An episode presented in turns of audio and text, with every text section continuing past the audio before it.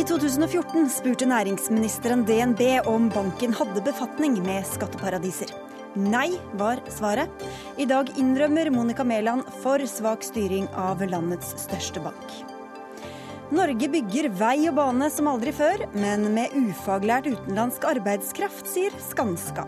De mener staten heller burde gi jobbene til norske faglærte. Dagbladets såkalte avsløringer om eh, kongehusets økonomi kan hvem som helst lese seg til i offentlige budsjetter, sukker Minerva-skribent Jan Arild Snoen. Han forsøker å tåkelegge, svarer Dagbladet. Og et vendepunkt, sier republikanernes Ted Cruz om seieren i natt. Men er det det?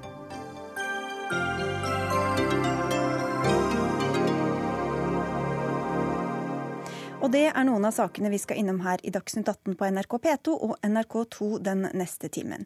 I studio Sigrid Solund.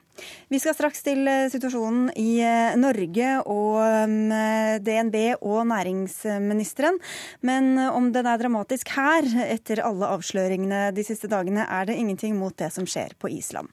Og det er fortsatt uklart om landet får ny statsminister i dag.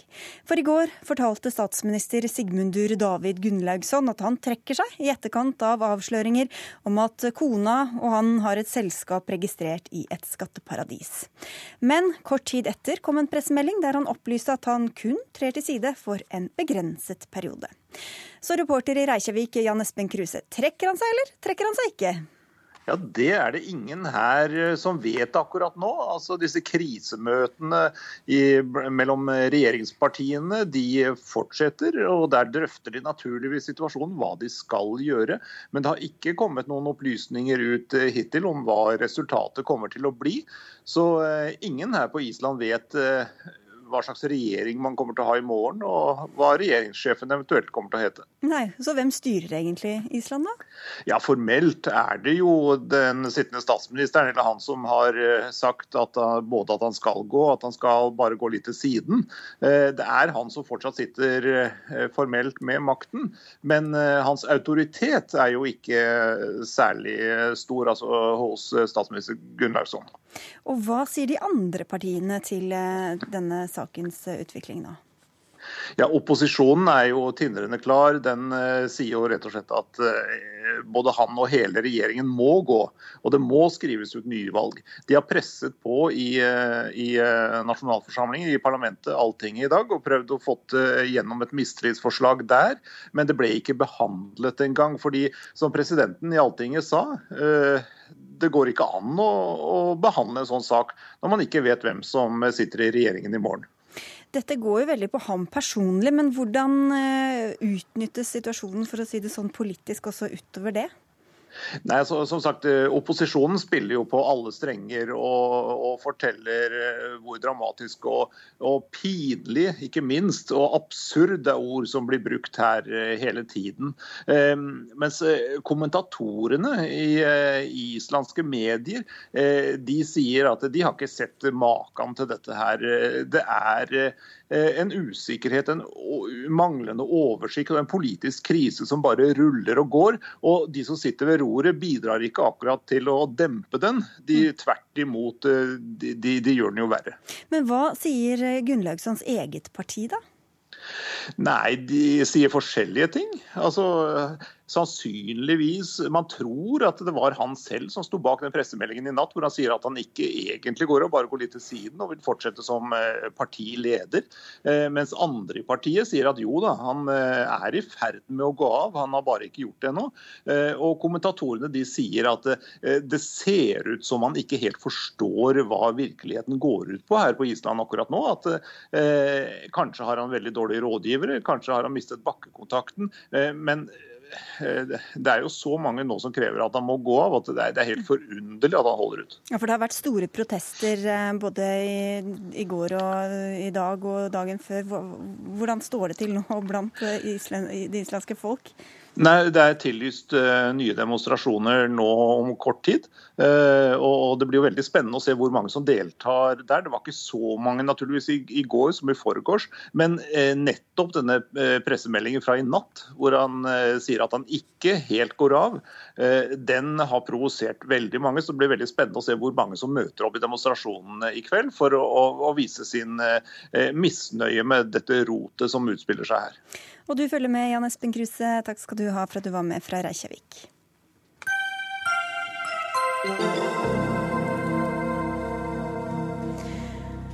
Og I dag ble næringsminister Monica Mæland spurt ut i Stortingets spørretime om DNBs befatning med skatteparadiser. Kritikken mot landets største bank har hagla etter Aftenpostens avsløringer, bl.a. om at DNBs datterbank i Luxembourg hjalp kunder med å opprette minst 40 postkasseselskaper i skatteparadiset Seychellene. I dag sa næringsministeren at hun i 2014 spurte den delvis statseide banken om DNB hadde befatning med skatteparadiser. Nei, var svaret Mæland fikk den gangen. Og Monica Mæland hadde ikke mulighet til å delta i Dagsnytt 18 i dag, men du er her igjen, Gunnar Gundersen. Du er næringspolitisk talsperson i Høyre. Mæland sa i Stortinget i dag at hun ikke kunne huske akkurat når hun spurte banken om dette, men det var i 2014 i forbindelse med mye oppmerksomhet rundt eh, denne saken og om skatteparadiser. Og ut fra det vi vet nå, hvordan ser du da på det svaret DNB ga den gangen? Ja, Det vil jo bli ettergått. Eh, men det er på det rene at Monica Mæland spurte eh, i 2014. Og hun har også skrevet inn i eierskapsmeldingen fra 2013-2014 at eh, et, et, kapittel om, om, skatteparadiser, om et helt klar forventning til selskapene om at de skal være åpne og de skal etterleve internasjonale regler. Så, det, så blir det her et spørsmål om, om hvordan DNB oppfattet det spørsmålet. Det er jo ikke lett for en statsråd å stille presise spørsmål om noe man ikke aner noe om, sånn som det har dukket opp nå. For det bygget Så, ikke på en konkret mistanke, det var mer en generell Det var en generell oppmerksomhet. altså Vi må være oppmerksom på at det har skjedd veldig mye de siste jeg vil si, sju, åtte, ti årene eh, rundt samfunnets oppmerksomhet rundt korrupsjon, rundt eh, skatteparadis, rundt skatteunndragelser, internasjonale skatteavtaler. Det skrives masse nye skatteavtaler internasjonalt. Man er, har et veldig fokus på å få ryddet opp her. Sånn at her er det jo en, en kontinuerlig utvikling. Og, og, før vi går til noen sånn folkedomstol, så mener jeg vi skal få lov til å gå skikkelig inn i sakene. Det kommer til å bli gått grundig gjennom hva som er gjort. Jeg synes jo det, det, er også veldig interessant å gå helt tilbake til 2007, når finansministeren tok opp dette her. For, da var, det snakket vi litt om i går også ja, her. Men... For hva gjorde man da med den, den, den, den riktige eierskapsutøvelsen, som jeg er opptatt av? Ja. Det er jo at da burde næringsministeren ha tatt opp det med de statlige okay, selskapene. Spørsmålet er om man gjorde det. forholder oss til det som skjedde i 2014. Nøyaktig hva var det Mæland spurte om, og hva var svaret hun fikk? Nei, altså det, det, kommer hun nå til å gå inn i. Eh, hun, det som hun sa, hun fikk eh, nei, men det er jo ikke ulovlig å være involvert i, i, men, i Luxembourg. Men hvis dette er dokumentert, så vet vi kanskje hva spørsmålet var? Ja, det kommer jo helt sikkert til å gå ettergås. Jeg har ikke fått det eh, sånn direkte, jeg har bare fått bekreftet det som ble sagt i spørretimen i dag, at man spurte i 2014. Men så blir det jo igjen et spørsmål hvordan oppfattet eh, DNB dette her? Hadde styret grunn til å komme med informasjon? Det blir en rekke spørsmål som nå må eh, følges opp og gås inn i eh, hvilken dialog som da var. Vi har selvfølgelig eh, forsøkt å få med noen fra DNB i dag også. Det var ingen derfra som ville være med. Men ut fra det du sier nå, så, så mener du i hvert fall at det ikke gir grunnlag for å si at at Monica Mæland ble lurt den gangen, eller ført bak lyset? Nei, ikke per i dag, men altså det, det her vil man gå nøye gjennom hva som ble sagt. Det som er kommet på det rene, er at det DNB gjorde i 2007, ikke var ulovlig den gangen. Men så har du en moralsk side ved dette her, og en etisk side ved det. som var, Og det har de også, også innrømmet, at de burde ikke ha vært eh, inne i denne type saker. Og så har utviklingen gått videre, så vi får jo se, da. Skulle styret ha informert f.eks. når Monica spurte, det har de da en plikt på seg til å faktisk ta opp en sånn sak. Hvilken informasjon hadde styret på det tidspunktet? Det er, det er, dette er ganske kompliserte saker ja. som må få tid til å gå inn i, rett og slett. Men som du selv nevner også, så var dette altså noe det var snakk om allerede i 2007, og noe som Økokrim har hatt eh, mistanke om, eller i hvert fall visst delvis om. Så hvordan utover dette ene spørsmålet har dere fulgt opp eierskapet? Dere, altså Staten eier jo da 34% av DNB for å sikre seg at her var det ikke bare noe som var ulovlig, men, eller eventuelt ulovlig, men også noe som var, alt var innenfor det etiske ja, forsvarlig. Det er skrevet inn i eierskapsmeldingen. Det er det viktigste. For der står det jo veldig veldig tydelig en klar forventning til selskapene. Ja, Det er forventningen, men fakta, da? Og så er det tatt opp i eierskap. Og nå har Monica Mæland innkalt til nok et møte i juni, hvor hun også kommer til å ta opp eh, dette her. Men, men igjen, det er ikke lett å stille presise spørsmål rundt uh, ting man ikke aner noen ting om. Og da, da, vil jo, da, vil jo, mye snus. Sånn at har styrene også forholdt seg aktivt til at de skal informere sin eier. Så har du aksjeloven, hvor vi sitter jo ikke alene som eier i noen av disse selskapene. Vi har andre eiere. Så, så, ja, men hun har innrømmet selv i dag at eierskapsstyringen har vært for svak. Eh, hva har vært for svak da? Hva var det dere ikke har gjort som dere burde ha gjort? Nei, jeg kan ikke si at Monica Mæland ikke har gjort noe. Hun, hun, hun, har gjort alt etter boka. Det, som er, til, det, er spørsmål om å gå tilbake og se har man fulgt opp de signalene man har gitt. Som jeg sa, når finansministeren går til Finanstilsynet, så er ikke det det er ingen eierskapsstyring, sånn som jeg ser det. Den eierskapsstyringen skjer gjennom næringsministeren og Næringsdepartementet. Og da er det spørsmål ble det tatt opp den gangen. Det, det, kommer vi også, helt sikkert også til å få innsyn i. Men når du sier at det er ikke lett å stille presise spørsmål når man ikke vet helt eh, Men bør man ikke forvente at dersom man stiller spørsmål som i hvert fall jo. er i en eller annen lei, så burde man kunne tro at man svarer på noe som er det er det jeg sier. Da, da snur du det med en gang. at Da har styrene et ansvar for å komme med den informasjonen de har. Og da er det igjen spørsmål hvordan oppfattet de spørsmålet? Hvilken informasjon satt de med? Visste de selv noe om dette her? Altså det er, det er, her er det mange sider, altså. Og her kommer det stadig ut eh, informasjon. Eh, men dette gjelder jo langt, langt flere selskaper enn DNB. Eva Jolie, du har jobbet som korrupsjonsjeger og er nestleder i EU-parlamentets eh, komité som jobber mot skatteparadiser. Mye av det som er avdekket de siste dagene er ikke nødvendigvis ulovlig. Hva er likevel problemet med den bruken av skatteparadiser? Altså, det er tull, ikke sant. Ingen oppretter selskaper i skatteparadiser, spesielt i Panama, om de ikke har noe å skjule. Og det at de multinasjonale selskapene og bankene fortsetter å si at dette er jo lovlig. Altså, det er ikke ulovlig å opprette et selskap, men det er bruken av skjulte strukturer som ikke har noen mening om man ikke har noe å skjule. Men hvilke uheldige konsekvenser får det, da? Jo, hvilke uheldige konsekvenser? I dag så går eh, veldig store pengestrømmer gjennom skatteparadiser i verdensøkonomien. Og dette er svart økonomi som ingen har kontroll over. Så det har makroøkonomiske effekter. Og det har makroøkonomiske effekter i alle land fordi det er skatteunndragelse hovedsakelig. Og eh, med innstramningspolitikken som føres i alle europeiske land, så merkes det veldig sterkt. at man stiller store krav til borgernes eh, nøysomhet samtidig med at en gruppe borgere blir rikere og rikere. fordi når pengene du tjener ikke betaler skatt, så betyr det at du har mye mer av dem. Og, og det at de multinasjonale selskapene eller bankene sier vi visste ikke, altså dette vil vi bare ikke tro lenger, ikke det er tull.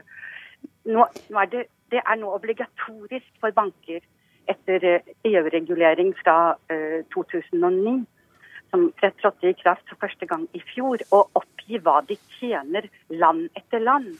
DNB vet hva de tjener i Luxembourg. Og de vet selvfølgelig hva de gjør i Luxembourg. Og argumentet med at jeg vet ikke hva som skjedde der, altså, det kan jo ingen tro.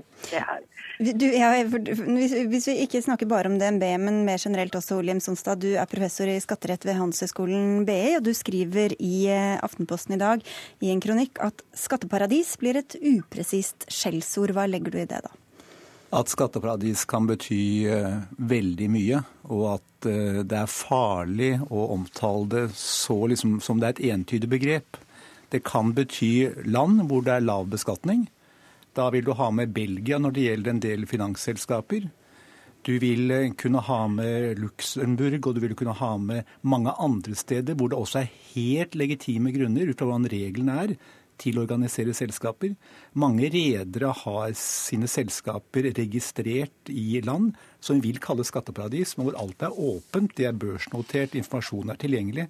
slik at Altså, dette er vanskelig, og det er en av grunnene til at Nei, det er litt dette komplisert. Er og, og det, det Jolie nå sier ja, altså, det, er ganske egentlig riktig. Det som er, det som er viktig, det er å få bukt med det at man kan skjule formue og sånt noe. Altså De landene som ikke vil gå med på det som er OECDs store oppgave, å få frem avtaler som gir adgang til informasjonsutveksling hvor det har skjedd mye. Og Det tror jeg vi alle er enige om, at de landene ja. som ikke går med på å gi ut informasjon, det er noe galt med. Men så er det det som kalles skatteparadis, for det er lave skattesatser. Det er noe helt annet. Det er ingen som i fullt alvor kan si at men, vi syns norske selskaper skal betale så mye skatt som mulig til utlandet. Ja, men Luxembourg f.eks. De har offentlig skatt på selskapet på 29% Men denne denne prosenten er det ingen som betaler. Fordi firmaene inngår private skatteavtaler med det de kaller for kontor nummer seks, som stempler eh, den avtalen. Og da er det helt nede i 0,1, 0,3 og opp til 3 mm. Jeg har laget en rapport om Ikea f.eks., hvor det kommer frem at Ikea med sin Luxembourg og Liechtensteins struktur betaler 3% skatt. Og det er jo ikke det er det, det er det som er skatteparadiseffekten. Fordi dette landet, og Belgia og også av og til eh, UK, de stjeler andre lands skatteproveny ved å tilby denne, denne formen. Så, men så er vi jo, som vi var inne på, noe er lovlig, noe er uh, ulovlig, og noe er bare uheldig. Du skriver Hjem Sonstad også. Ja, ja, ikke sant? Men det er, det er, noe er jo helt sikkert lovlig også. Men, men Hjem Sonstad, uh, du sier at det kan være lovlig bruk av et dårlig regelverk. Så hva må gjøres internasjonalt med det altså, regelverket, med lovverket? Altså Poenget er at dette er veldig vanskelige problemstillinger, fordi du har regler som gjør det mulig lovlig å tilpasse seg og oppnå lave skattesatser slik det er i dag. Det er fordi OECDs regelverk for internasjonal beskatning, som er altså utviklet gjennom mange mange år, det er ingen som har villet noe vondt her, men det er blitt et regelverk som er lett å skattetilpasse. Å forandre det er veldig vanskelig, ser det ut til, fordi du har så mange skatteavtaler og det er, det er så innfløkt som det er. Men det er, det er veldig vanskelig å få til et system der det ikke er mulig å tilpasse seg og betale lav skatt i noen land. Men men det er klart at dette jobber jo OECD med. Men, mm. men det vi ser igjen og igjen, er at man sier det er latterlig lave skattesatser, så går det en år til, og så er det fortsatt latterlig lave skattesatser. Og en av grunnene til det er også at USA har en lovgivning som er veldig spesiell på dette området. Eva Jolie, du eh, som jeg sa, jobber jo for dette i EU-parlamentet. Hva mener dere må til? Hva er de viktigste grepene som må tas? Altså, vi, er i, vi er i ferd med å forandre OECDs anbefalinger til EUs lovverk. Og det pågår i disse dager, slik at anbefalingene eh, blir lov for eh, alle eh, medlemslandene, og også Norge via EØS-avtalen. Og Det går da ut på større gjennomsiktighet. Dessverre så er ikke OECD veldig aggressiv, fordi dette er et kompromiss. slik at større, større gjennomsiktighet f.eks. det er enda ikke offentliggjort men det er for skatteetatene. De skal få innsyn. Og det blir altså pålagt land-for-land-rapportering. Eh, men den blir ikke offentliggjort enda. Du skal få slippe til, bare helt på tampen her også til uh, få med deg, uh, Gundersen. For uh, professor Guttorm Schjelderup, som uh, bl.a. ledet Kapitalfluktutvalget, han skriver i DN i dag at Norge så langt ikke har vært en sterk bidragsyter i kampen mot skatteparadisene. Det er jo ikke en god attest for deg eller for dere eller den tidligere regjeringa for den saks skyld. Hva, skal, hva vil dere gjøre for å bli bedre, da? Ja, altså nå, det, nå, ligger jo det der under Finansdepartementet og finanskomiteen. Jeg er i næringskomiteen. Jeg er opptatt av Aner ikke hva de holder på med der? jo, jo, jo, for jeg satt jo i finanskomiteen i forrige periode, og den følger jeg ikke, rett og slett. Altså, det var et enormt fokus mm. på å skrive skatteavtaler, på å forhandle nye avtaler. Men det er jo som Jem Sonstad også sier, dette er ganske komplisert. Det er, det er betydelig oppvåkning av eh, oppmerksomhet rundt det internasjonalt. Og det kommer til å skje mye også framover. Men man, man, må passe seg litt for å sitte og bedømme alt nå i ettertid i det som nå faktisk det, gjelder. Det skjønte jeg, det sa du i stad. Men Jim Jens Olstad, hva, hva, kan den norske regjeringa gjøre, da, uavhengig av hva som skjer internasjonalt? Altså Først så er det slik at eh, det Schjelderup skriver i Dagens Næringsliv i dag, er etter mitt skjønn galt. Altså Norge har gjort en stor innsats når det gjelder å få på plass eh, avtaler for å gjøre det lettere å få opplysninger fra skatteparadis. Og Det syns jeg er rimelig klart. Men det som er problemet, det er at de arbeidet som OECD nå og Europaparlamentet gjør, tror jeg kommer til å hjelpe egentlig lite med det som er det underliggende problemet, nemlig at lovlige tilpasninger er mulig hvor du får veldig lav skattesats for de virkelig store konsernene. Og Det er en feil i det grunnleggende regelverket som man ikke klarer å gjøre noe med. Som, I hvert fall de forslagene som nå foreligger, ikke, gjør noe med. Da skal vi til analysen. Det er Aftenposten som har avslørt eh, de norske sidene av denne enorme saken vi har sett eh, rullet opp her. Trine Eilertsen, du er politisk redaktør i Aftenposten. Nå er dette også blitt en politisk sak, eh, bl.a. i Stortingets spørretime i dag. Hva er de politiske elementene her? Nei, altså Politikken i dette kommer inn når eh, staten eier en tredjedel av eh, DNB, som eh, har fått mye oppmerksomhet de siste dagene pga. disse tilbudene de har hatt til kunder om å, om å sette opp selskaper på Seychellene som gjør det mulig å skjule formue, og dermed mulig å unndra seg skatt. Eh, og hva har ledelsen i DNB visst, hva har styret visst, hva har eh, ledere tett på toppledelsen i DNB visst, er spørsmål. Og da kommer, blir det automatiske spørsmål eh, burde statsråden ha vært mer aktiv, både den forrige og, og den vi har i dag. Mm. og der i, altså Politikken i det, jeg syns jo at statsrådene både, altså Kristin Halvorsen var jo ikke næringsminister den gangen hun stilte spørsmålet, men hun stilte et betimelig spørsmål i 2007. Hun spurte, eller sa til DNB at dette er ikke noe vi ønsker oss. Det er et signal fra den store eieren. Eh, Monica Mæland har eh, stilt et spørsmål syv år senere og har fått et svar om at dette driver ikke vi med, og så viser det seg at dette har de drevet med likevel. Min oppfatning av det nå i hvert fall er at problemet først og fremst ligger i DNB og ikke mm. på den politiske siden. Men det er klart at Stortinget forholder seg kun til statsråden og vil stille spørsmål via statsråden, så mm. det vil fortsette det òg. Og nå skriver du i en kommentar i dag at Rune Bjerke, altså sjefen i DNB, satser på sin egen uvitenhet. Mm. Hva slags spill er det som pågår der?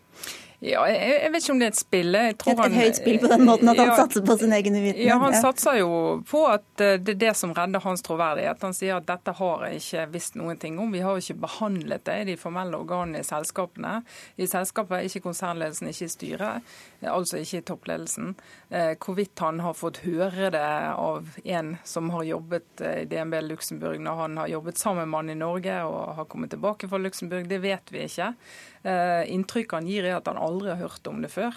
Eh, og Da må du jo kunne spørre da når du er leder for Norges største og viktigste bank, og det har vært en diskusjon om skatteparadiser, og det har vært en internasjonal diskusjon, en nasjonal diskusjon, i eh, veldig heftig etter finanskrisen, eh, men også før det. Hvis du da aldri har hatt en diskusjon internt i ditt eget konsern, drevet frem av konsernsjefen sjøl, så syns jeg det fremstår som veldig merkelig. Ja, for Selv om det da ikke kan påvises at dette ble behandlet i styret osv., som du sier, og som de er veldig opptatt av akkurat den ordbruken, virker det som i hvert hvert fall. Eh, betyr det at han da er frikjent, for å si det sånn? Ja, det, Mange vil jo mene at han, at han ikke er det. Eh, fordi at dette, dette, selskapet, DNB Luxembourg, har konsernsjefen ansvar for eh, det som foregår der. Og så er de også nøye med, og det foreløpig er det ingenting heller som, som motsier det, at det som har foregått har vært lovlig. Det har ikke skjedd noe ulovlig. Og mange andre banksjefer ville jo på en måte stoppet der og sagt at eh, vi har ikke brutt noen lov. Ferdig med det. Eh, og så ville de kanskje kommet unna med det, men Rune Bjerke og DNB de har jo skapt et inntrykk av at Og de sier jo også det at de selv mener at dette er uetisk. Vi skulle aldri gjort det. Og da er det jo eh, fascinerende å tenke på at de faktisk har holdt på med det i så mange år, hvis de mener at det er uetisk og de ikke har eh, tatt tak i en problemstilling som har vært så debattert så mye som dette. Så de har på sett og vis gjort fallhøyden stor for seg selv også ved å bruke de ordene? Jeg syns det. Ja. Har dere med på lager som kommer frem? Vi er ikke ferdig. Det er 11,5 millioner dokumenter, så her kommer det mer. Takk skal dere ha, Trine Eilertsen, Eva Gelie, Gunnar Gundersen og Ole Jem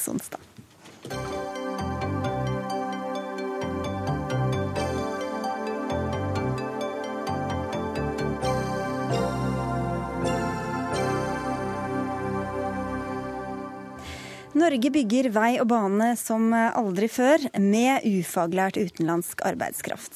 Er det greit? Nei, mener entreprenørkonsernet Skanska. Staten er for ofte opptatt av å jakte på den billigste leverandøren. Det fører til at utenlandske firmaer som betaler dårligere lønn til ufaglærte, får jobbene, vinner anbudene.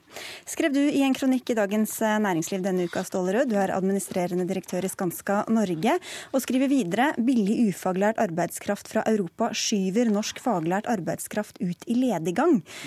Er dette noe du har dokumentasjon på, eller? Ja, altså, Vi, vi ser jo den utviklinga nå. Eh, og, og, det er jo et paradoks da at eh, til tross for at vi er inne i en situasjon eh, hvor eh, det bygges mer enn noen gang innenfor norsk eh, infrastruktur, eh, så er vi i en situasjon hvor, hvor, fagfolk med lang kompetanse, norske fagfolk med lang kompetanse blir sagt opp og går i lediggang. Hva er det disse andre selskapene som dere da taper for, hva er det de gjør annerledes enn dere? I utgangspunktet så, så bringer jo de selskapene med seg til, til Norge en, eh, en, annen operasjonsmodell enn den som det norske bygg- og anleggslivet er basert på. Eh, og Det går i utgangspunktet på eh, at man baserer virksomheten på det vi kan kalle construction management, hvor man tar med seg høyt kompetent ledelse. Og så styrer den ledelsen da ufaglært arbeidskraft som i mange grad bringes inn fra lavkostland lengre sør i Europa. Og med dårligere lønninger eller dårligere vilkår enn det dere tilbyr? Ja, de, de må jo selvfølgelig basere virksomheten sin på å etterleve minstelønnsprinsippet i Norge. Eh, og I mange tilfeller så, så har man òg eh, organiseringsstrukturer som gjør at man unngår å betale bl.a. reise, kost og losji. Er dette en utvikling du kan like, Ketil Solvik-Olsen, samferdselsminister?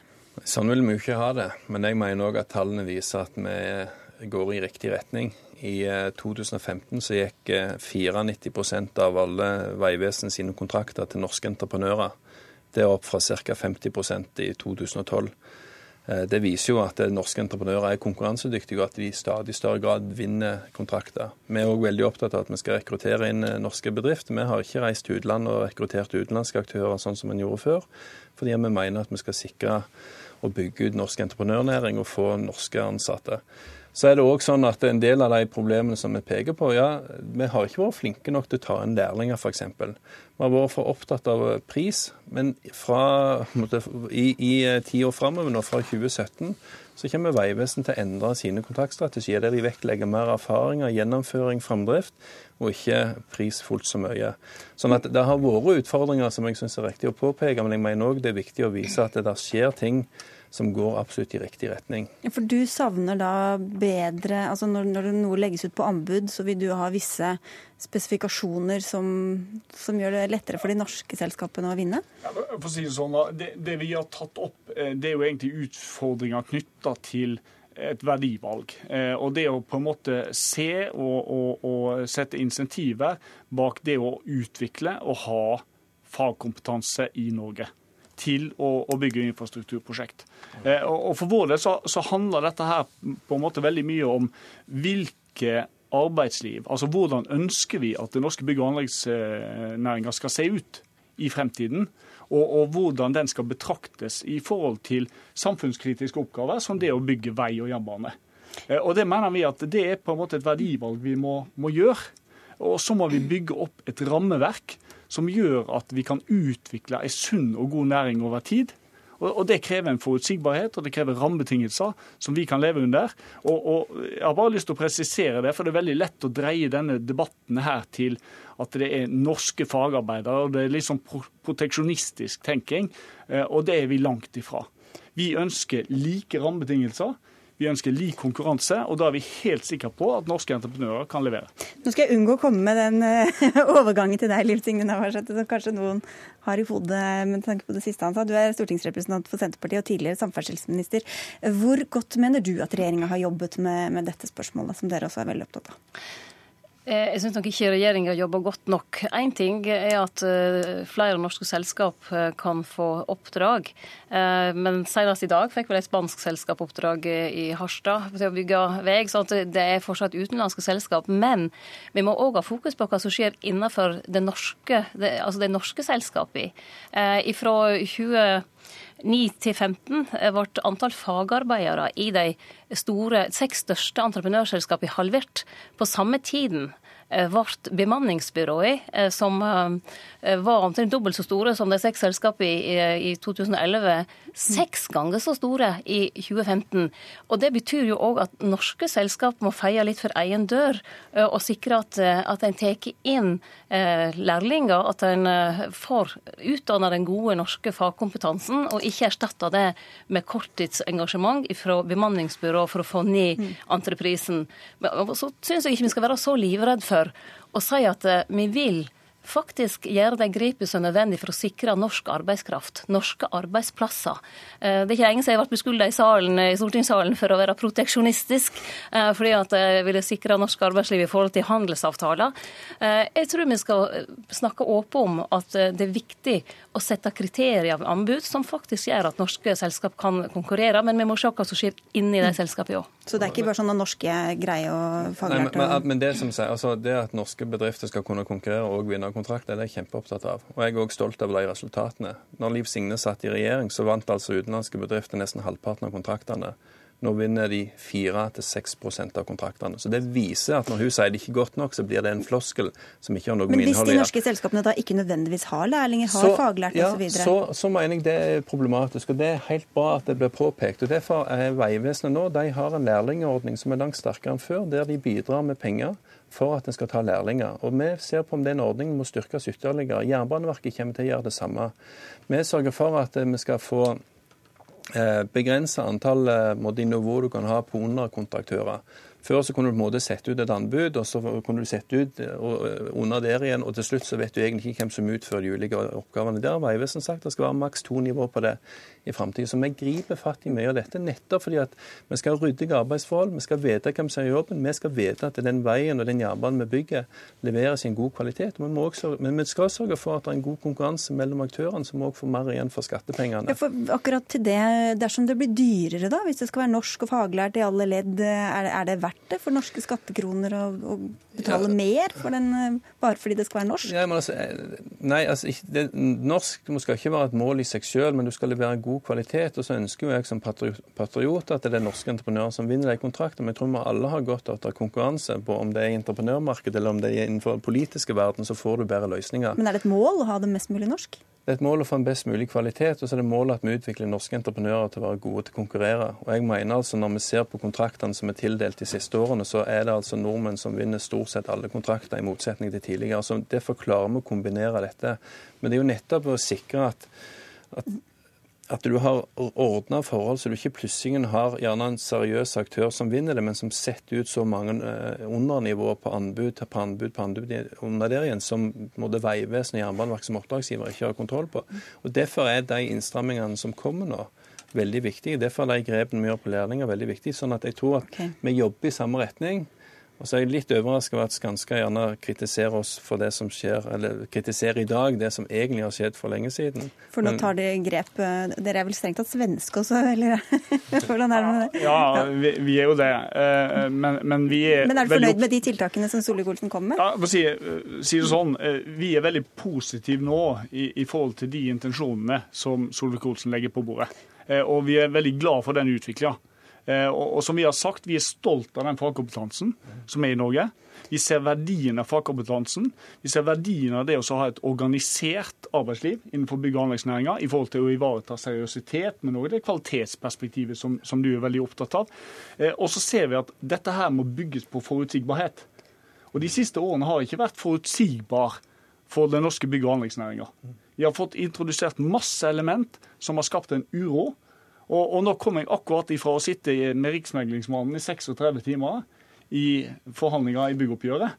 Og det har vært det mest krevende oppgjøret vi har vært i på lenge. med akkurat akkurat den bekymringa som ligger i næringa i dag. Men eh, du får svare på eh, beskyldningen her om at under dere så var det langt færre norske selskaper som fikk vant anbudene? Ja, I en periode var det det. Eh, og det var for at bransjen ikke hadde kapasitet. For det at når vi overtok i 2005, så ble det et sjokk for bransjen. For da økte vi dramatisk løyvingene til samferdsel. Det hadde ikke vært gjort på veldig mange år, siden oppsett sin tid. Og det greide rett og slett ikke norsk bransje å håndtere 100% Men det vi òg gjorde, var at vi lagde en ny kontraktstrategi. Vi splitta opp anbud, slik at det norske selskap, og de mindre, eh, kunne delta i konkurransen. Og så, når, når bransjen fikk strappa opp kapasitet, så har jo det blitt mer norske selskap som har fått. Men det vi har vært opptatt av hele tiden, og som er viktig, det er jo òg å ha fokus på de store selskapene i Norge, hvordan de bemanner opp. Og når, når deres andel fagorgan, unnskyld, ja, fagfolk er halvert, så må vi også stille spørsmål om det. Og det vil jo ikke Solvik-Olsen ta i i forhold til bemanningsselskapet i sin framvekst. Det. Det skal jo være del av et europeisk marked også. Hvorfor er det så himla viktig? Altså Så lenge det blir lovlig og billig og bra osv.? Fordi vi er opptatt av å utvikle norsk næringsliv. Vi er opptatt av å ivareta våre velgere, våre innbyggere. ikke sant? Så skal vi òg ivareta skattebetalerne her. Men jeg mener at det handler ikke om å begynne å knerte lønna til folk. Det handler om å bli flinkere til å planlegge, ha mer langsiktig arbeid, involvere entreprenørene tidligere, så de kan være med å finne billigere løsninger. Vi har altså sett en kostnadsvekst som har vært altfor stor. Og så er det ikke riktig at det var et sjokk som gjorde at du plutselig fikk utlendinger. Det var jo på slutten av perioden deres at dere hadde flest utenlandske entreprenører enn i markedet, ikke tidlig.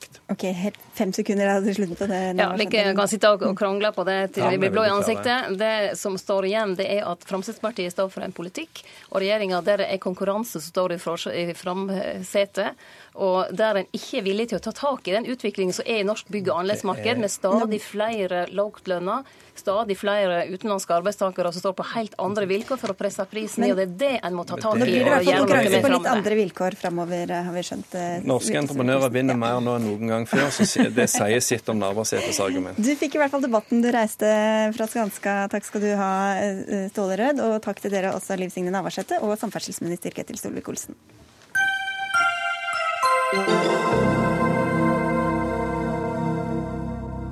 Grønne investeringer og det grønne skiftet, hvor ofte hører vi vel ikke om det. Likevel vil ikke oljefondet investere i fornybar infrastruktur som vannkraftverk, vindkraftparker eller kraftledninger, med mindre de er børsnotert. Det sa Finansdepartementet i går, en avgjørelse som kom til tross for at både Norges Bank, som forvalter av fondet, og Finansdepartementets egen ekspertgruppe anbefaler at Statens pensjonsfond utland får gjøre slike investeringer. Marius Holm, du er leder i Miljøstiftelsen Zero. Hvorfor er det da et problem at Finansdepartementet konkluderte annerledes enn de som tilrådde dette? Ja, Det er jo litt trist at når vi har et uh, oljefond som er uh, et av en av verdens største investorer, og som ønsker å investere i fornybar energi, så får de altså ikke lov. Uh, fordi politikerne legger da begrensninger på fondet som, som er dårlig forvaltning av vår felles sparebøsse. både ekspertutvalget og, og fondet sjøl ønsker dette og får muligheten til dette.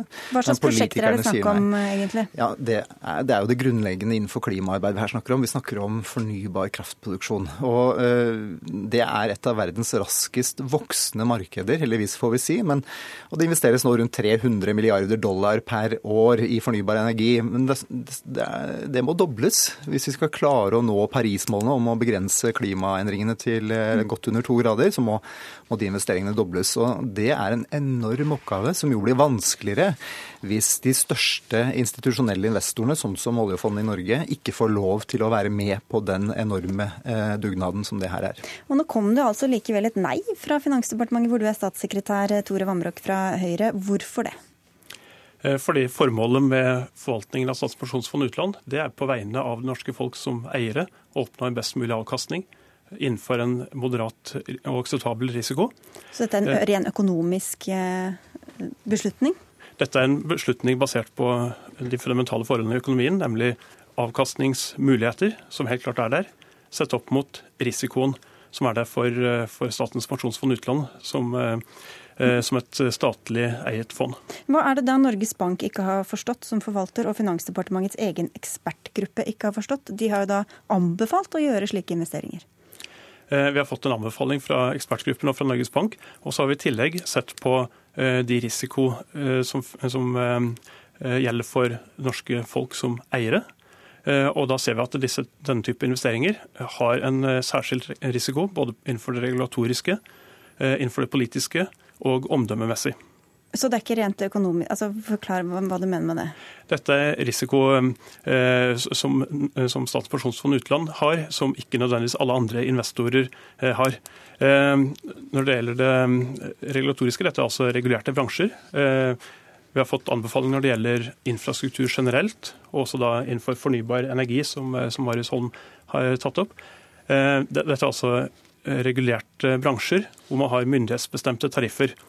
Eh, da vil altså eh, utenlandske myndigheter eh, kunne komme i en konflikt med norske myndigheter som eiere av fondet, og vil altså få en regulatorisk risiko mellom myndigheter. For Det kan f.eks. bli en litt sånn potent politisk situasjon da, Marius Holm, som oljefondet plutselig kommer opp i?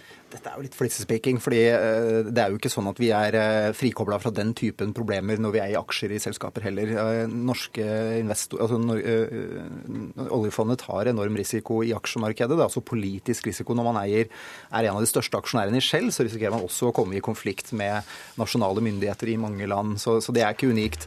Det som, er, det som, er, litt snodig her, er jo at eh, vi eh, er jo nettopp for å ivareta det norske folks økonomiske eh, framtidige interesser at vi må endre oljefondet. Vi er altså en av verdens største investorer i olje og gass som nasjon gjennom at vi eier norsk sokkel, og at norsk økonomi er veldig eksponert for olje og gass. Og, og statsbudsjettet har enorme skatteinntekter fra olje og gass.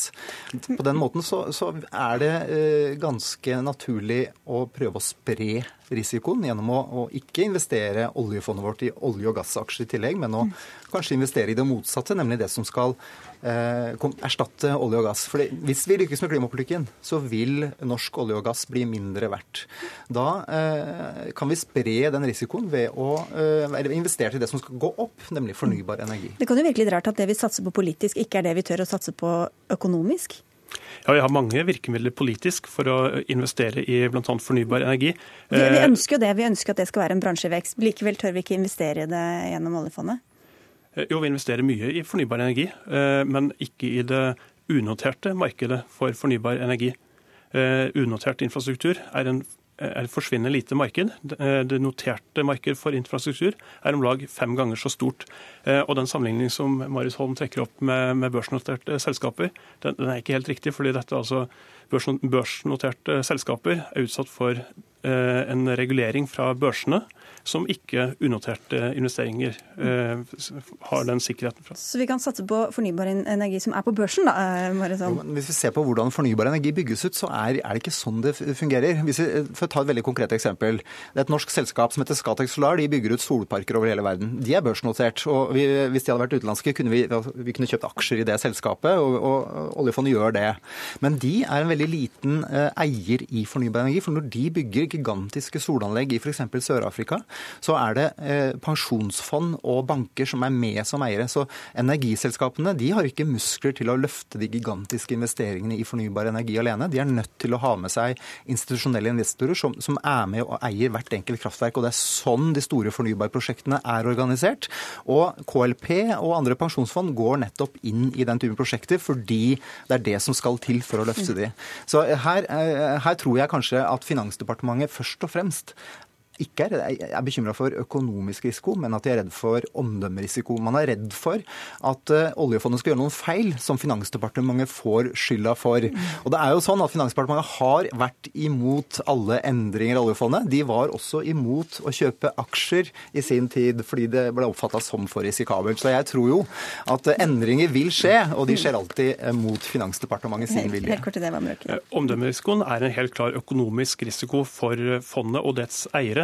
Eh, og, og, det viktige er altså å ha en spredd eh, investering, spredd ut på hele det globale aksjemarkedet og obligasjonsmarkedet.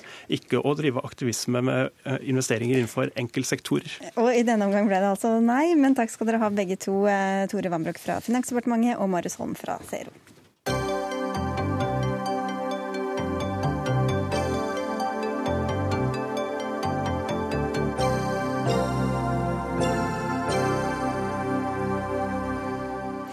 Samtidig som Aftenposten og en rekke utenlandske aviser kom med avsløringer om skattesnusk og korrupsjon eh, verden over denne uka, kom Dagbladet med sin egen avsløring. De skjulte millionene og nå røper Slottet millionlønn, var to av avisas forsider om det norske kongehuset. Under banneret 'Dagbladet avslører' skriver avisa om skjulte millioner, et budsjett som i den offentlige debatten er altfor lave, og utgifter som stadig øker. Men Avsløringer og avsløringer, alt dette kunne de lett ha funnet i Kommunaldepartementets budsjett, skriver du Jan Arild Snoen, du er skribent i eh, Minerva og sier Dagbladet har oversolgt sakene sine. Ja, Det gjelder den første saken på mandag, det med millionlønningene. Det var dagen etter, så det var ikke det jeg Det er fritatt for kritikken, altså? Ikke kritisert dem for det. Eh, men det er jo fordi at eh, Det aller meste av dette, bortsett fra én post, som ikke er kvantifisert, det står Jeg kan vise fram til alle på radioen nå. Det står på en side i Kommunaldepartementets budsjett. Holder opp ark. Eh, og der står da eh, alt bortsett fra den ene posten. I motsetning til det Dagbladet skriver. Dagbladet skriver at disse fire postene de har funnet, det står ikke samlet noe sted, skriver Dagbladet. Det er jo ikke sant, for de står her. Det er ikke sant, det du sier. Jeg må introdusere deg først. Du er politisk redaktør i Dagbladet, Geir Amnefjell. Ja. Vær så god. Vi, vi, sier også, vi viser også til denne side 43, denne berømte side 43 i Kommunaldepartementets uh, budsjettproposisjon. Eh, og kildene vi har snakket med i saken som har uttalt seg, bl.a. Snorre Valen i finanskomiteen eh, og Heidi Nordby Lunde i finanskomiteen, er også kjent med at denne opplistingen finnes. Men dette er en opplisting, dette er ikke en oppsummering. Utgangspunktet her er at Dagbladet har dokumentert at utgiftene til kongehuset er langt høyere enn det som kommer fram i den offentlige debatten, og det som eh, kommer fram i statsbudsjettet. Du, vi, det er flere som har lest dette dokumentet. Vi har nemlig snakket med kongen og dronninga i dag. Vi skal høre hva de eh, sier om denne kritikken. Litt uforstående. For uh, vi mener at vi alltid har jobbet for at kongehuset skulle være åpent. Uh, jeg vet at en av de tingene som vi ble anklaget for, var at, at pengebruken er holdt hemmelig. Det kan jeg ikke helt skjønne er riktig, i og med at så vidt jeg vet så står dette helt åpent i eh, i, sto, i, i, stort, i Stortinget... Side 43. Hva? Side 43. Side 43, men du kan vel ikke vente at alle har lest den sida? Nei, men jeg forventer at Dagbladet har lest det. Men det virker her som at de ikke leste den før. Først så uh, hørte dere med Finansdepartementet, og så var ikke de så veldig gode i svaret sitt. Og så etter hvert så fant dere fram til dette. Det er her dere burde ha begynt. Og en annen ting. Du sier at disse summene er ikke, dette er ikke summert. Nei. Altså hvis Dagbladets journalistiske merverdi her går ut på å legge sammen fire summer på en side i et statsbudsjett, så er det ganske tynt. Men det er én ting dere har gjort som har bidratt til at vi vet mer nå, og det er den posten om vakttjeneste og eskortetjenesten. Den har dere men, gravd fint i. Men dette er jo totalt forfeila. fordi altså, I den offentlige debatten så har det versert ett tall, særlig ett tall eh, som er, brukes som utgangspunkt for hva som er skattebetalernes utgifter til kongehuset, og det er 227 millioner kroner, eh, som bl.a. finnes i Finansdepartementets lommebudsjett.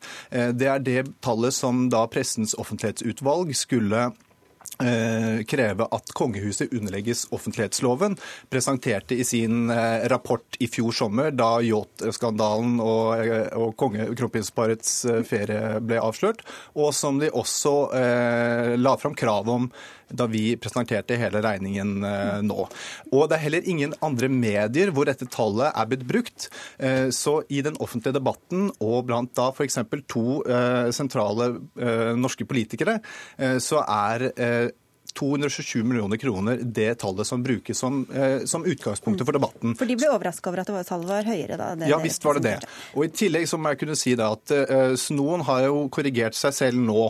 Men i eh, artikkelen da han satte seg ned og skrev den, så baserte han seg utelukkende på Sanners eh, fremstilling av saken, på Sanners uh, politiske spinn, hvor han viser til side 43.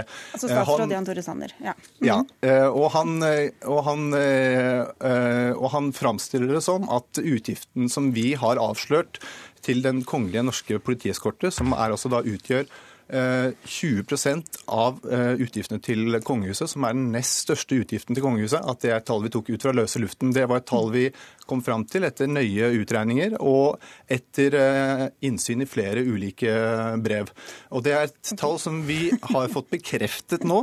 Vi har funnet, vi har funnet tallet i, okay. i Finansdepartementet. Og Det er jo altså de færreste som går inn og leser sånne offentlige budsjetter. Noen, du er jo kanskje et hederlig unntak. Hvis en redaksjon skriver noe som ikke er offentlig kjent, da tydeligvis, så var det flere som ble overrasket over disse summene, som gir et annet bilde enn det som er skapt. Hvorfor skal man ikke kunne kalle det en avsløring? Det kan du, ikke, du kan ikke kalle det som står veldig tydelig på altså, Kongehuset ligger under Kommunal- og moderniseringsdepartementet. Hvis du skal vite hvor mye som brukes på kongehuset, så er det veldig enkelt. Da går du på den statsbudsjettproposisjonen som er det eh, departementet, og så søker du på kongehuset, og så kommer du til denne siden. Eh, og så er det klart at det er jo ikke alle som gjør det, jeg er enig i det. Men jeg vil ikke kalle det en avsløring. Det er greit å du Kan kalle det en nyhet, men ikke en avsløring. Du kan kanskje kalle det en nyhet. Ja, Men så ligger det da disse 110 millionene til vakt. Der ligger det noe. Altså Regnestykket vårt baserer seg ikke på den ene siden eh, 43 i Kommunaldepartementets budsjettproposisjon. Den baserer seg på at vi har eh, gått igjennom alle utgiftene, og vi har funnet ut hva den kongelige norske politieskorte koster. Dere tok omveien, da. Jeg Som er bare- 110 millioner kroner. Er Eh, og er dermed for første gang har vi presentert hva det norske kongehuset koster norske skattebetalere, som er dobbelt så høyt som det det har framkommet i den offentlige debatten. Og hvordan det ikke skal være en avsløring, det er veldig vanskelig for meg å forstå. Og så må jeg få lov til å kommentere litt grann på det kongen sa også. Ja. Og det er, altså Han sier at kongehuset er åpent, eh, men det stemmer jo ikke. Det er jo, det er jo faktisk feil. I dag så la Venstre fram et eh, Dokument 8-forslag i Stortinget hvor de eh, krevde at kongehuset måtte inn under offentlighetsloven. Det svarer, svarer de til NTB i dag, at det må de ta stilling til senere. Men de trenger ikke å ta stilling til de senere, for det er et krav som har blitt fremmet en rekke ganger tidligere.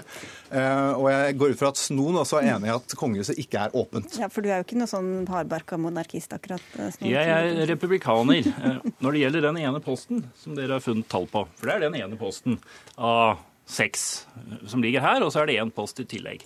Eh, Så er det jo da så vil Sanner og også tidligere regjeringer vil si at dette er, dette er ikke ønskelig at eh, tallet skal komme ut av sikkerhetshensyn, for dette er vakt. Eh, Det er sånne sikkerhetshensyn.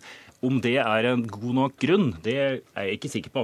Så det kan godt hende at det er grunn til å åpne. Men det er det som dreier seg om offentligheten rundt de tingene. Det er det eneste som er skjult. Alt annet ligger her i, i budsjettet. Ja, men det er, jo ikke, det er jo ikke åpent eh, hvordan kongehuset eh, benytter seg av de pengene de får fordelt. Det er, vi, får opp, vi får opplyst hva som er rammefordelingen. Men hvordan de forvalter de kongelige eiendommene, og hvordan de forvalter eh, ansettelsesforhold og øvrig virksomhet på Slottet, vet vi ingenting om. Takk skal du ha, Geir Ramnefjell Snoen. Du blir sittende.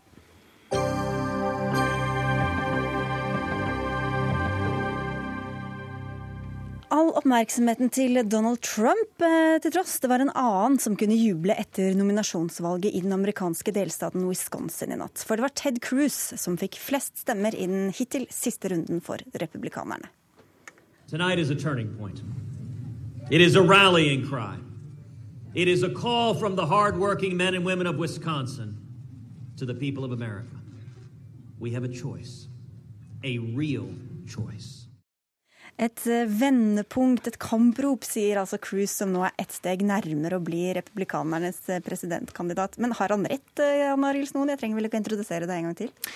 Eh, Han er absolutt mye nærmere, for det som skjedde nå, er at eh, Trumps eh, mulighet for å nå halvparten av delegatene, altså disse 1237 som eh, nerdene snakker om, er betydelig redusert etter valget i Wisconsin. Både fordi han fikk færre delegater, men også fordi det kan tyde på at han, han vil ha trøbbel i mange stater som kommer framover. Og Cruz sin eneste mulighet er at han kommer nær Trump og mobiliserer alle de andre, og ikke vinner i første avstemning, men eh, i andre eller tredje avstemning. Men er Trump da i ferd med å miste grepet? Ja, han ligger dårligere an nå enn han gjorde for to uker siden. Men også om opinionen, eller hvordan er det med det? Altså, Trump, det er jo sånn at uh, veldig mange mener veldig sterke ting om Trump. Enten så er de veldig for eller veldig imot. Uh, og I første måneden eller to så var det da en utvikling her, og det var flere som sluttet seg til Trump. Men ettersom de andre kandidatene nå faller ut, så er det veldig få av de som egentlig hadde et annet førstevalg, som går til Trump. De går til de andre fordi de først og fremst er mot Trump. Og det er et problem både nå i nominasjonsstriden, men det er et kjempeproblem dersom man skulle bli nominert. Fordi det er så mange, to, eh, nesten to tredjedeler av amerikanere sier at de ikke liker mannen. Kan du skjønne det? Nei Jeg er jo en nøytral kommentator. Statsviter og kommentator på amerikansk politikk NO Våren Alme. Jeg må si jeg har heller ingen meninger om Trump, selvfølgelig. På demokratisk side var det Bernie Sanders eh, som gikk seirende ut i Wisconsin. Eh, Hvorfor skjedde det der og akkurat med han? Uh, Wisconsin er jo for det første en eh, lite variert uh, sånn etnisk stat. Altså Den er jo veldig hvit. Um, og, og han vant uh, stort blant eh, mange, flere velgergrupper som han har vært, uh, altså stått sterkt i før. Uh, han gjorde det dårlig blant afroamerikanske velgere, som er en trygg base for Hillary Clinton, men han gjorde det veldig bra blant unge velgere. Og Wisconsin er jo en by med f.eks. mange universitetsbyer. Altså stat med mange universitetsbyer. Um, så, og, og, han, altså, han har jo vist nå at han klarer faktisk å vinne eh, i en rekke delstater. Han har vel vunnet syv av de siste åtte delstatsvalgene. Um, men problemet hans er jo at han ikke vinner nok eh, delegater. Eh, For nå handler det jo om delegatmatte. Framover. Og så har det vært mye snakk om at han får skylda eller æren alt ettersom for å dra, dra Hillary Clinton til venstre.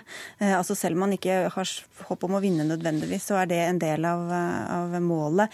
På hvilke områder merker man det sånn politisk på hennes politikk? Altså, Hans klare budskap har jo vært inntektsulikhet. Eh, og han har dratt liksom alle sakene inn i den, den store paraplyen under inntektsulikhet. Eh, og Det er jo særlig der man har merket at hun blir dratt til venstre, når det gjelder f.eks.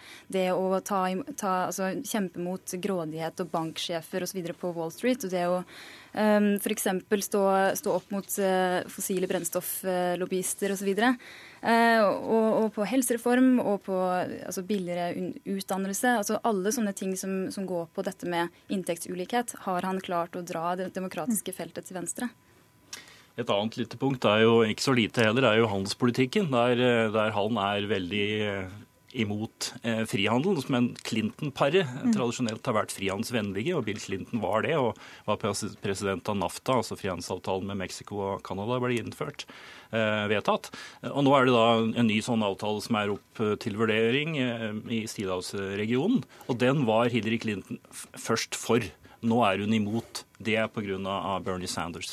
Hvis vi ser på republikansk side, så blir det jo også sagt at Ted eh, Cruz egentlig er vel så ytterliggående som Trump eh, politisk, men bare har en annen retorikk og bruker en annen eh, måte. Hva er egentlig det politiske forskjellen? Cruz er, ligger ganske langt ute i republikanske partiet, men han er forutsigbar. Han er innafor si, den vanlige republikanske rammen. Du vet omtrent hva du får fra Cruz. Mens fra Trump, så er det veldig uberegnelig hva du får, særlig i utenrikspolitikken, men også andre ting. Så det er disse to tingene. Eh, de som da er litt mer positive til Trump, sier at han kan jo, han kan jo tilpasse seg, han er en dealmaker. Men veldig mange av de som mente det, har begynt å bli litt lei av disse stadige utspillene hans. Det er stadig nye grupper som skal tas. Sist var det jo da eh, abort, eh, kvinner som tok abort, som skulle straffes. Altså Det kommer hele tiden sånne ting som gjør at han framstår som uberegnelig. Og Det skaper jo litt hodebry for det republikanske partiet. og Det har vært også snakk om eventuelt å liksom satse på en tredjekandidat eller en uavhengig kandidat også, som ikke skal representere noen av partiene? Ja, Det er jo en myriade av scenarioer man kan se for seg. Man har jo ikke, så vidt jeg vet, hatt en lignende situasjon før med så stor uklarhet. Altså Det man kan se for seg nå, er jo at eh, med, med eh, seieren til Cruise i natt, at uh, sannsynligheten for en, et sånt forhandlet landsmøte eller et åpent landsmøte øker. Og at du da eh, i første stemmerunde vil undersøke om, du, om, en av disse tre kandidatene som fortsatt er med i valgkampen, eh, klarer å få majoritet i første stemmerunde. Og så ettersom delegatene løslates fra de de altså kandidatene som de er bundet til, om man da finner en kandidat ettersom stemmerundene går.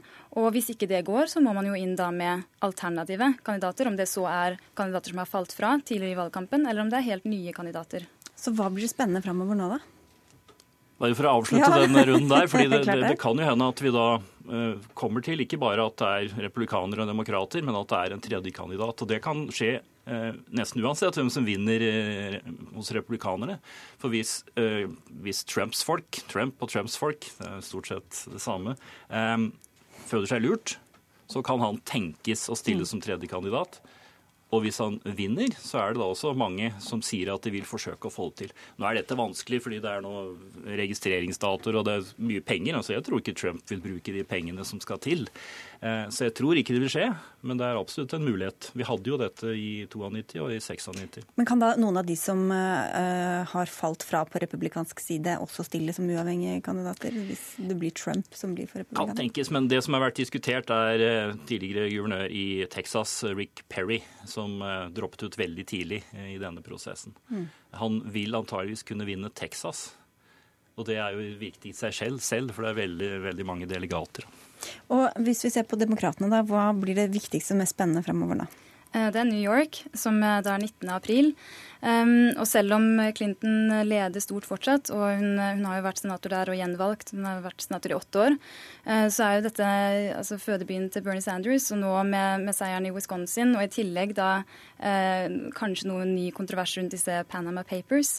For der har han vært tidlig på ballen, for å si det sånn, før, ja. før de kom og ble Og advart mot, mot konsekvensene av den avtalen mellom Panama og USA, eh, så kan det bli mer spennende enn eh, tidligere antatt i New York, som har et stort antall delegater. Men i og med at Hillary Clinton har, altså hun har allerede en stor ledelse blant delegatene, hun har stor støtte blant de altså statene man ser framover nå, og hun har en stor ledelse i superdelegatene.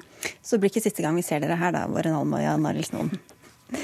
Vi får si tusen takk til dere i eh, denne omgang og ønske ønsker dere hjertelig velkommen tilbake. Vi er tilbake i morgen klokka 18 som eh, vanlig på NRK P2 og NRK2. Det var Ida Tune Øresland som hadde ansvaret for innholdet i denne sendinga. Finn Lie hadde det tekniske ansvaret. I studio Sigrid Solund, og vi ønsker en fin kveld videre.